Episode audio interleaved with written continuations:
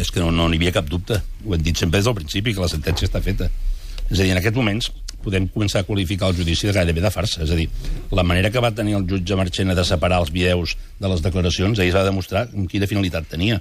És a dir, neutralitzar les imatges i no contraposar-les amb com s'estava eh, creant eh, un, un discurs, un relat eh, fals, no? el fals aquest de la violència, de la rebel·lió amb violència, de, de, de l'articulació de la violència.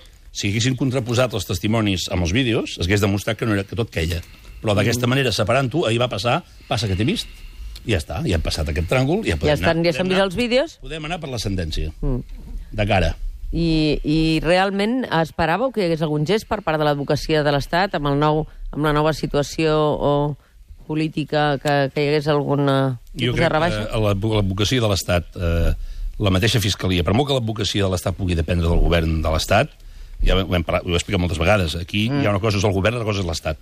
L'Estat s'ha emancipat del govern. Encara que el govern de Pedro Sánchez, que no és el cas, volgués atemperar i buscar una, una modulació judicial, per dir-ho d'alguna manera, no, no està en condicions ni força per fer-ho. Mm. És dir, fiscals, jutges han decidit pel seu compte i han- s'han convertit en, en baluarts, diguéssim, d'aquesta unitat d'Espanya, eh? doncs, i aquí està, I, i ho sabíem, i anem cap aquí. Javier, um, ara ja està tot el peix venut, eh?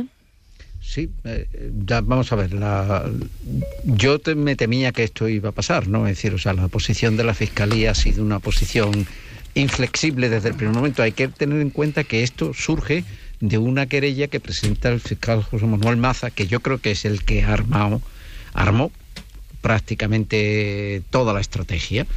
Este señor venía de la Sala Segunda del Tribunal Supremo, había sido muchos años magistrado de la Sala Segunda del Tribunal Supremo, y él fue el que organizó, armó toda la estrategia, y, y esta estrategia se está cumpliendo punto por punto.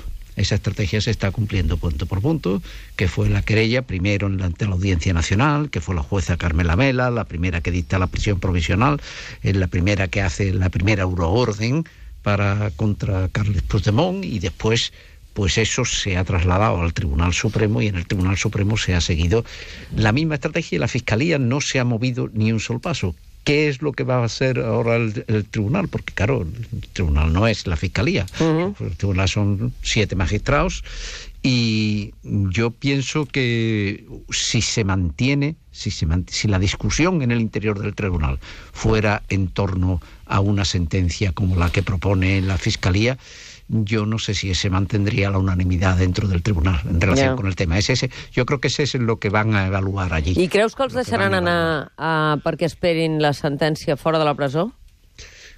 Es posible. Es posible que eso se produzca y que ahora mismo, una vez que se, que se quede visto para sentencia, pues queden en libertad provisional los, las personas que están ahora mismo procesadas y esperen, y esperen que la sentencia no en la cárcel, sino estando fuera de la cárcel, ¿no? Eso, eso sí es posible que pueda producirse, ¿no? Entre otras cosas porque además eso, bueno, pues mm, facilitaría, por ejemplo, que el caso de Oriol Junqueras pudiera acudir a la sesión constitutiva del Parlamento Europeo, ¿no? El 2 de julio, ¿no? Y que ahí no se planteara un problema adicional, ¿no?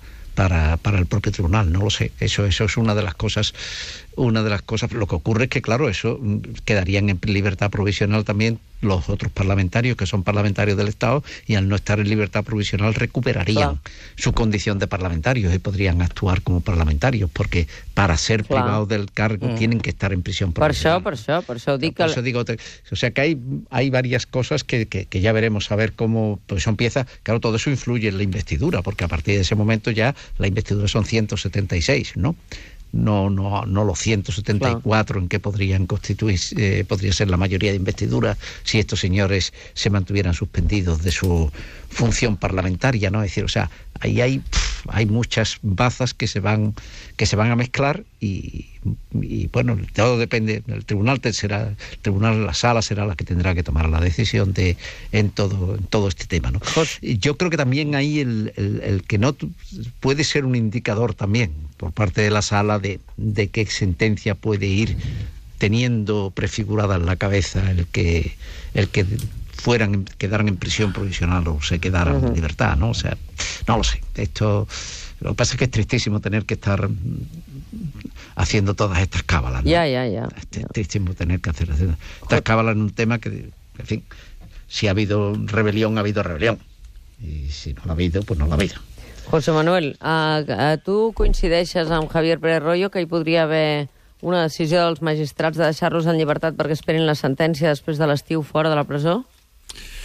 No lo sé, lo que sí, lo que sí quiero subrayar es que eso es una decisión que corresponde al Poder Judicial. Ah, Supongo que luego hablaremos de, no, es que luego hablaremos del informe del Sí. grupo de trabajo de Naciones Unidas que Mm. pide al gobierno algo que no está en la mano del gobierno, porque no es competencia del gobierno del Poder Judicial. Esa, la Fiscalía ha pedido que no se aplique el tercer grado hasta que se haya cumplido un porcentaje alto de la condena. Veremos, hay que esperar a lo que diga la, a lo que diga la, la sala, ¿no? Cuál sea la sentencia final. Yo no me a, a pronosticar cómo, cuál va a ser el resultado. Lo que sí digo es que hay que respetar la independencia judicial y hay que respetar, nos guste o no nos guste, la sentencia en los términos que se produzca.